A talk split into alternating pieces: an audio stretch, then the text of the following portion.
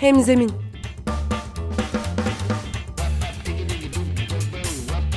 Daha iyi bir sosyal fayda iletişimi için fikirler, tartışmalar, örnekler.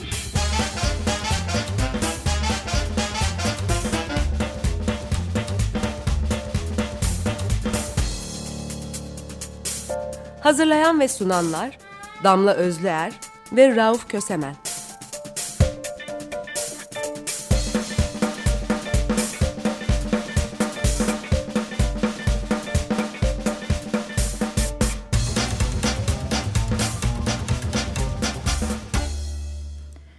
Herkese merhaba. Hemzeminde Rauf Kösemen ve Damla Özer'le birliktesiniz ve bu haftaki başlığımız Roma lejyonlarından Occupy eylemlerine bir harekat olarak kampanya kavramı. Ancak programın en başında dün yaşanan Suruç katliamında hayatını kaybedenlerin aileleri ve yakınları başta olmak üzere hepimize başsağlığı dilemek isteriz. Suruç katliamı bu topraklarda çok sık olduğu gibi umudu bir kez daha yaraladı. Evet bir şeyler söylemek lazım bunun üzerine.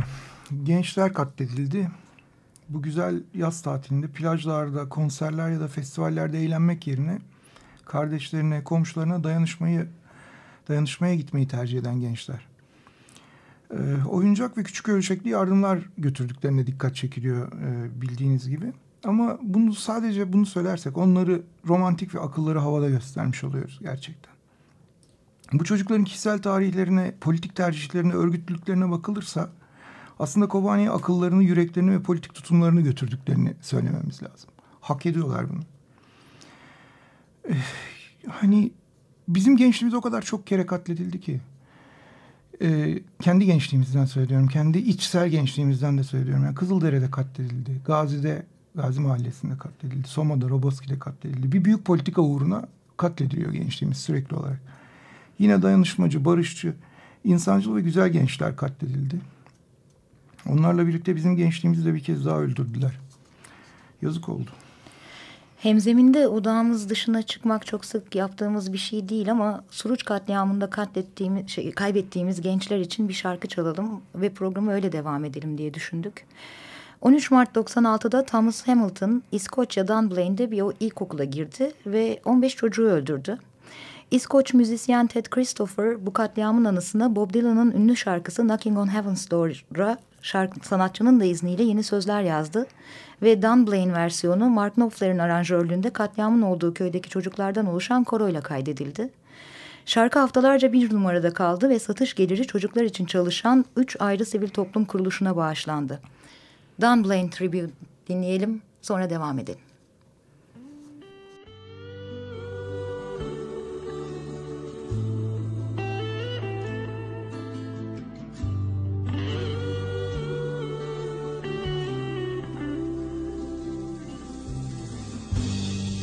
Take this badge off me. I can't use it anymore. It's been too dark, too dark to see. Felt like knocking on heaven's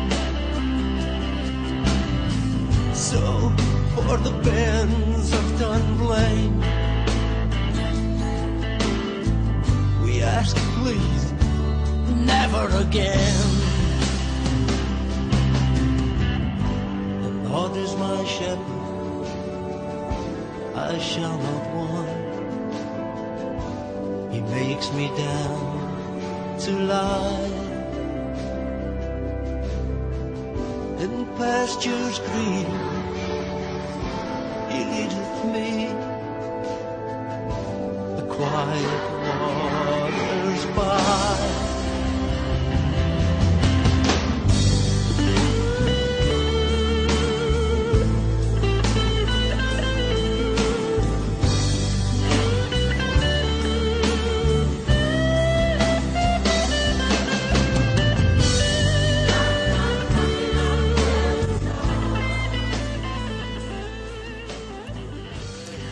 Dokuz yıl kadar önceydi. Irak Dünya Mahkemesi sırasında bir Norveçli aktivist bana sormuştu. Bunu nasıl yapıyorsunuz? Bu kadar kıt kaynaklı, bu kadar çok insanı nasıl harekete geçiriyorsunuz? Böyle böyle bir mükemmel organizasyonu nasıl yapıyorsunuz diye.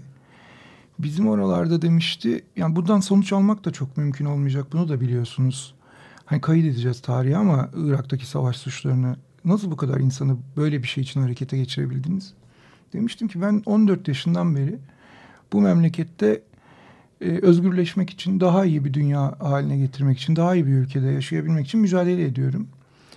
E, ve biz hep yenildik. Biz sürekli olarak her mücadeleden e, galip olmadan çıkmaya alışkınız.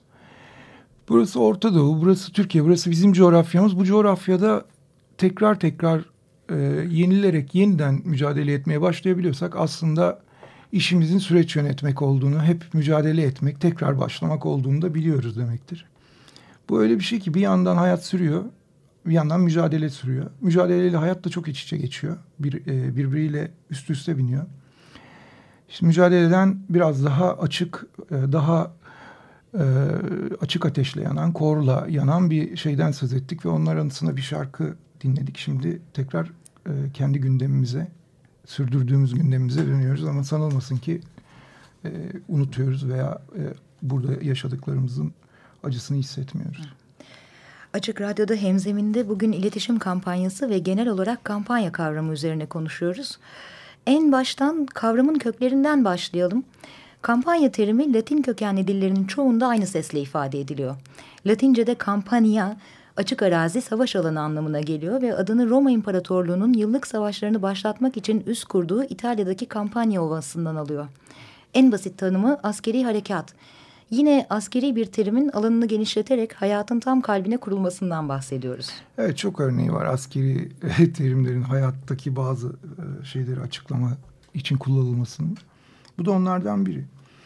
Şimdi bir şöyle bakarsak kampanya dediğimizde sadece tek bir şeyden söz etmiyoruz aslında. Alt kırılımlarıyla birlikte bir entegre harekat bu aslında burada gördüğümüz. Ee, biraz böyle bölümlendirdim ben işte bir iki üç dört falan gibi ama bunların aralarında bir hiyerarşi yok aslında. Yani önce birinci sonra ikinci diye bir şey yok. Bunların hepsini konuşacağız. İşin bir yüzünde terimin e, özünde var olan askeri kampanya e, meselesi var. Oradan başlayalım. Askeri harekat e, savaşın nihai sonucunu belirlemek üzere uzun vadeli ve belirleyici bir stratejik plan çerçevesinde yapılan harekat veya çatışmaların yani muharebelerin toplamı e, anlamına geliyor. E, tam anlamıyla kampanya bu demek yani kelimenin etimolojik kökeninde durum bu. Buradan bakınca yapılan tüm kampanyaların özünü de görmek mümkün. Bir çatışma e, bu ister zihinsel ister değerler sistemi isterse çıtar, çıkar çatışması olsun değişmesi istenen bir durum var. Yani bir çatışma var, değişmesi istenen bir duruma işaret etmek için çatışma kavramını kullanıyoruz. Ve kampanyamız bu durumu değiştirmek üzere yola çıkıyor. Tabii hemen her, her, e, her hemzeminde söylediğimiz gibi her hemzeminde iki önemli noktayı da görüyoruz burada. Bir uzun vadeli stratejik bir plana ihtiyaç var. Bir de çok katmanlı e, ve çeşitli hareketlerden oluşan bir bütünlüğe ihtiyaç var. Şimdi terimin aşina olduğumuz bir diğer yüzde günlük hayatta aşina olduğumuz siyasal kampanyalar. Şimdi bu da biraz tanımlar yaparak gidiyorum izin verirsen. Ee, en en temel tanımıyla karar verici süreçleri etkilemek ya da belli bir siyasal hedefi gerçekleştirmek için toplumun ya da belli toplumsal kesimlerin desteğini ama, almak amacıyla sergilenen organize çaba. E, tenimin tanıdık gelecek bir üçüncü yüzde savunuculuk. E, yani bir kişi veya grubun amacı doğrultusunda kamu politikalarını, kaynak paylaşım süreçlerini ve toplumsal duyarlılığı istediği yönde etkilemek üzere siyasi, ekonomik ve sosyal kurumlara müdahale etmesi. E, son olarak da iletişim kampanyasından bahsedebiliriz ki hem zeminin odağı burası, bu programın odağı burası, hem zemin konferansının odağı burası. E, bir iletişim kampanyasının en temel tanımı tek bir tema ve fikir etrafına örülmüş çeşitli mesajların belirlenmiş bir zaman dilimi içinde farklı mecralar kullanılarak bütünlüklü bir biçimde topluma iletilmesi. Ya da hedef kitleye. Ya da hedef kitleye, toplumsal birimlere, toplumsal kesimlere diyebilirsiniz. Tabii burada bir davranış değişikliği hedeflemek lazım. İletmek e, tek başına yeten bir şey değil. O yüzden iletişim diyoruz. E, geri dönüşleri alarak bir davranış değişikliği oluşturmak için yapıyoruz bunu. Özellikle sivil toplumda savunuculuk ve iletişim kampanyaları birbirine biraz fazla karışıyor. E, bunlar öyle bir mail vardır yani karıştırmaya bir mail vardır ama bunlar farklı dinamikleri olan ve birlikte kurgulanması gereken yürütülmesi iki ayrı iş. Tanımları gereği iki ayrı iş. Savunuculukta e, bir kamusal kuruluşa ya da e, hedeflenmiş bir or, odağa yönelik yani kurumsal odağa yönelik bir savunuculuk yapıyorsunuz ve onun bir pozisyon almasını ya da pozisyon değiştirmesini sağlıyorsunuz. Mesela bir yasa çıkarmasını ya da bir regülasyon yapmasını öyle hedefliyorsunuz. Ama iletişim kampanyasında bunu savunuculuk için de kullanabilirsiniz. Bu değişimi sağlayabilmek için toplumun desteğini almak için bir iletişim kampanyası yapabilirsiniz. Yapmayabilirsiniz. Yani savunuculuk sadece bir tür lobicilik faaliyetiyle tırnak içinde birebir iletişimle vesaireyle de yapılabilir. Ama bir iletişim kampanyasından söz ediyorsak e, farklı katmanlara e, tek bir mesajın çeşitli yöntemlerle verilmesinden söz ediyoruz ve davranış değişikliği oluşturmaktan söz ediyoruz. Şimdi bir iletişim kampanyasını belli bir kitle üzerinde farkındalık yaratmak için yapıyorsak henüz bunun yanına bir savunuculuk faaliyeti eklemeyebiliriz.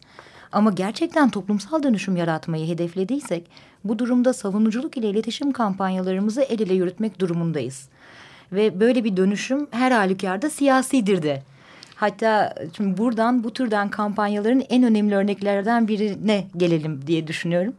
Sufrajetlerden biraz konuşalım. Sufrajetlerin yıllar boyunca sürdürdüğü kadınlara oy hakkı mücadelesini hatırlayalım. Sufrajetler 19. yüzyıl ve 20. yüzyılın ilk yarısında oy hakkı mücadelesini yürüten kadınlara verilen bir isimdi. Çoğunlukla Britanya ile anılsalar da ABD, Kanada, Yeni Zelanda, Avustralya gibi ülkelerde de mücadele ettiler. Bir yandan savunuculuk faaliyetlerini yürütürken bir yandan protestolar, açlık grevleri, yürüyüşler gibi mücadele yöntemlerini kullandılar. Ve bir yandan da ilanlar, afişler, kampanya şarkıları gibi iletişim tekniklerini kullandılar. Bunu yaparken de son derece başarılı bir taktik izlediler. Yeni şarkılar yazdılar evet ama bunların yanı sıra popüler şarkıların müziklerini alıp yeni sözler yazdılar. Askeri marşların sözlerini değiştirdiler. Böylelikle toplumsal hafızada yer edinmiş melodileri kullanarak kolay tekrar edilebilir, hatırlanabilir, kitlelerin yakınlık hissedeceği araçlarda mesajlarını aktardılar. Bu yöntem tıpkı bugün olduğu gibi karşı kampanyalara da sebep oldu. Sufrajetlere karşı pek çok şarkı da yapıldı. Yani epey hareketli bir kampanya karşı kampanya sürecinden bahsediyoruz. E, buna jamming diyoruz. Yani karıştırma ya da işte biraz aşırı yorumlarsak reçel haline getirme. E, yani mevcut e, iletişim ortamında var olan bir marşı alıp onu marş niteliğinden çıkartacak şekilde yeniden yazarak, içeriğini yazarak yorumluyorsunuz. E, ve orada bir karıştırma faaliyeti yapıyorsunuz. Dolayısıyla iki şey ortaya çıkıyor. Bir kendi sözünüzü söylüyorsunuz. iki söylenmiş sözün etkisini ortadan kaldırıyorsunuz. Üstelik bunu askeri marş gibi son derece erkek erk işte tam da onun üstüne yazarak etkisini ortadan kaldırıyor bu yöntemle. Bence bu suffragetler üzerine bir ayrıca bir program yapalım biz. Doğrudur. Ben isterim biliyorsun ki. ee, kadın hak mücadelesinin bu önemli köşe taşında bir selam edelim buradan ve müzik aramızı tam burada verelim. Bugün bazı sufrajet şarkılarının notalarına ulaşmak mümkün olsa da zamanında yapılmış kayıtlar çok ender. Önce bu ender kayıtlardan birini dinleyeceğiz. 1800'lerin sonunda kaydedilmiş bir orijinal sufrajet şarkısı Daughters of Freedom yani özgürlüğün kızları. Hemen arkasından da bir karşı kampanya duyacağız ve 1912'de Morris Burkhand'ın seslendirdiği, karısı sufrajet olan bir adamın şikayetlerini anlattığı Since My Margaret Become a Suffragette Ah Margaret'ım sufrajet olalı beri adlı şarkıya kulak vereceğiz. Sonra yine Açık Radyo'da hemzeminde devam edeceğiz. vote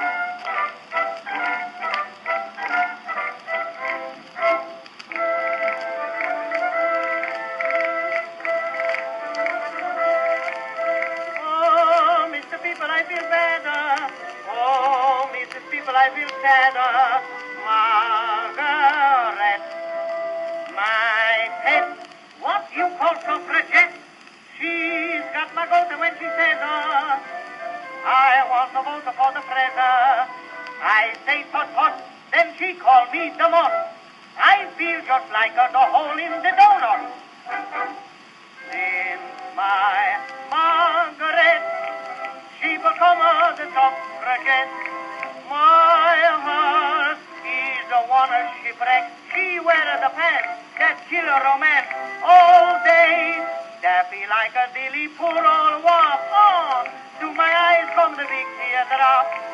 No more I eat the spaghetti since my Margaret become a the suffragette. Huh? That's all right. Since my Margaret, she become the suffragette, she said to me, Hey, Tony, play me a little Spanish. I want to shoot at the bull. She got the habit, no more I got the home like a rabbit. Poor and pound. He must sleep with the monk alone. Like busy bee, I make the honey. She call me trash and take the money. My bank book lid gets so small like the shrimp. In my business, she put one a big shrimp. Since my she become a the suffragette. My heart is a one a shipwreck. She wear the pants that kill a romance all day. Daffy like a dilly poor old wop. Oh, to my eyes come the big teardrop. No more I eat spaghetti since my Margaret become a the suffragette. Ah.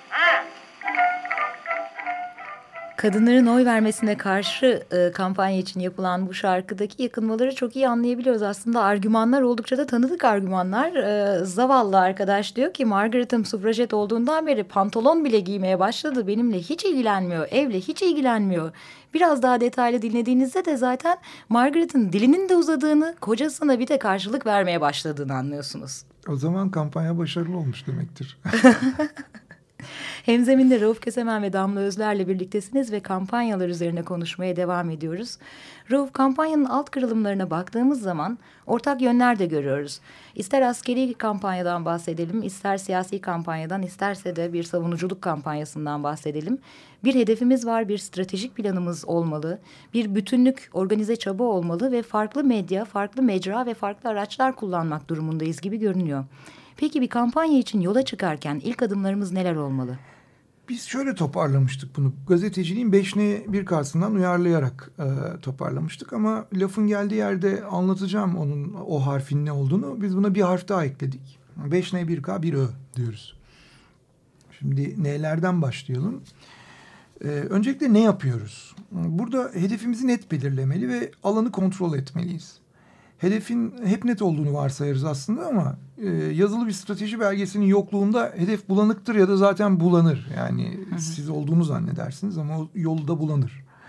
Hedeflediğiniz e, alanda daha önce neler yapılmış ona bakacaksınız. Şu anda neler yapılıyor? Var olan durum ne ve biz neye dönüştürmek istiyoruz bu durumu? Aradaki açı ne yani mevcut durumla olacak olmasını istediğimiz durum arasında? Bizimle birlikte davranan ya da davranabilecek başkaları var mı? Yani yandaşlarımız kim? Karşıtlarımız neler? E, kaynaklarımız ve yapabileceklerimiz neler? E, bu ne yapıyoruzun altında sıralanabilecek başlıklar bunlar. E, bunların hepsinin tanımlanması gerekiyor. Bu aslında bir strateji belgesi de oluşturmayı sağlıyor doğal olarak. Daha önceki hemzeminde bahsettiğimiz değerler sistemine de bakarak buna bir kırmızı çizgiler de eklememiz gerekiyor. Yani bir taraftan yaparken bir taraftan bozmamak için neler kullanmamalıyız'a bakmak gerekiyor ve bunu da yazılı bir belgeye e, şey yapmak, dökmek gerekiyor. İşte do's and don'ts derler e, İngilizce'de buna. Yapılacaklar ve asla yapılmayacaklar. E, sonra neden yapıyoruz diye bir soru var tabii. E, bu kampanyaya neden kaynak ayırıyoruz? Yani neden bu kampanyada şu kampanya değil? Bu kay ayıracağımız insan kaynakları ya da e, ekonomik kaynaklar, sosyal kaynaklar ya da. Yani niye bir gürültü çıkartıyoruz? Gürültü çıkartmak derken titreşim yaratmaktan söz ediyorum. İletişim terminolojisinde kullandığımız haliyle. Mesajımız anlaşılır mı? Bir de neden bu mesaj ilgi çeksin? Yani hangi boşluğa denk düşüyor insanların hayatında? Evet, Hüdayin abi bizim mesajımız kabul görecek değil. O yüzden de mesajımızın neden ilgi çektiği üzerine biraz durmamız gerekiyor. Evet yani e, biz doğru bir yerde duruyoruz, iyi bir şey söylüyoruz. Zaten e, bunu söylememiz yeterlidir diye bakmanın e, külliyen yanlış bir şey olduğunu, bizi yarı yolda bırakacak bir şey olduğunu görmemiz gerekiyor. E çünkü biz değiliz yani kendimize konuşmuyoruz. Hedef kitlemiz harekete geçecek olan hedef kitlemiz. E, bu genelde bir, bir de bir eksik bırakılan bir yer daha var. Hani bir çağrımız var mı diye bakmak gerekiyor bu meseleye. Yani ne, neye çağırıyoruz insanları e, anlamında. Sonraki aşamada kime seslendiğimizi net ve kesin tanımlarla ifade etmek gerekiyor. İşte burada hedef kitle analizi ortaya çıkıyor. Yani bunu doğru yapmak lazım. Hedef kitleniz kampanyanın konuşacağı kişiler, yine daha önceki hemzeminlerde bunu konuşmuştuk. Hedef kitlenin önemini ve doğru iletişimin nasıl kurgulanacağını.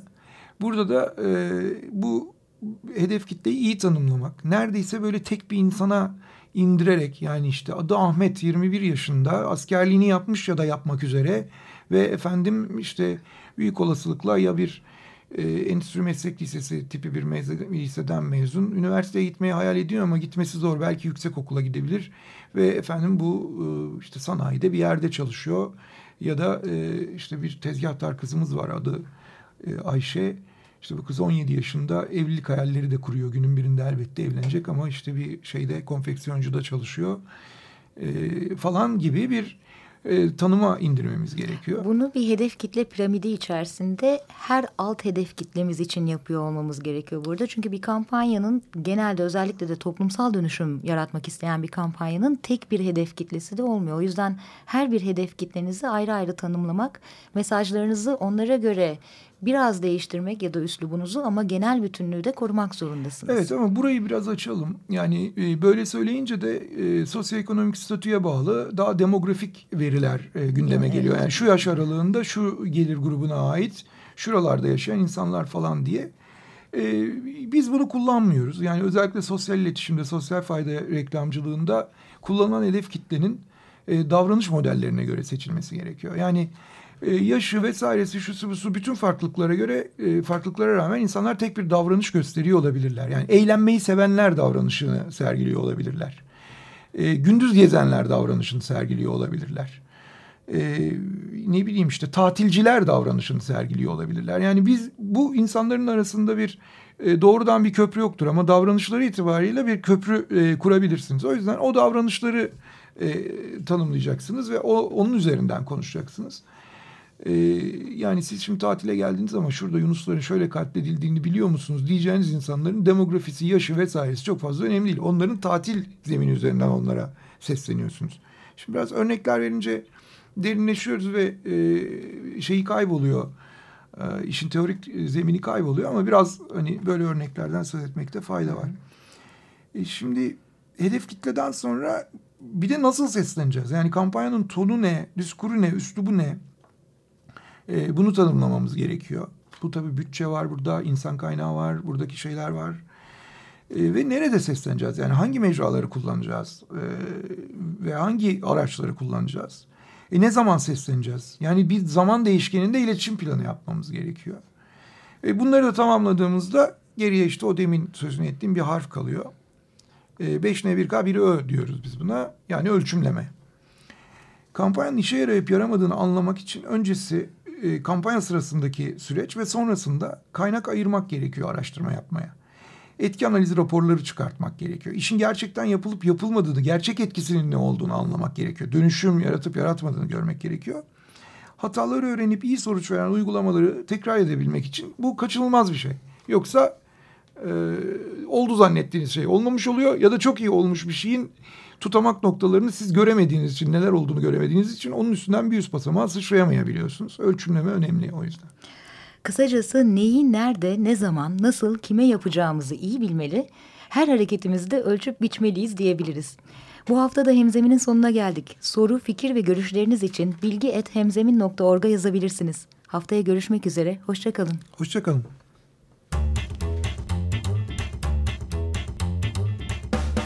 Hemzemin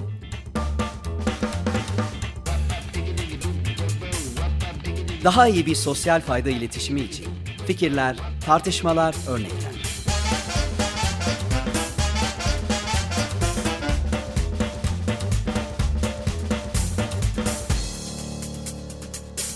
Hazırlayan ve sunanlar Damla Özlüer ve Rauf Kösemen.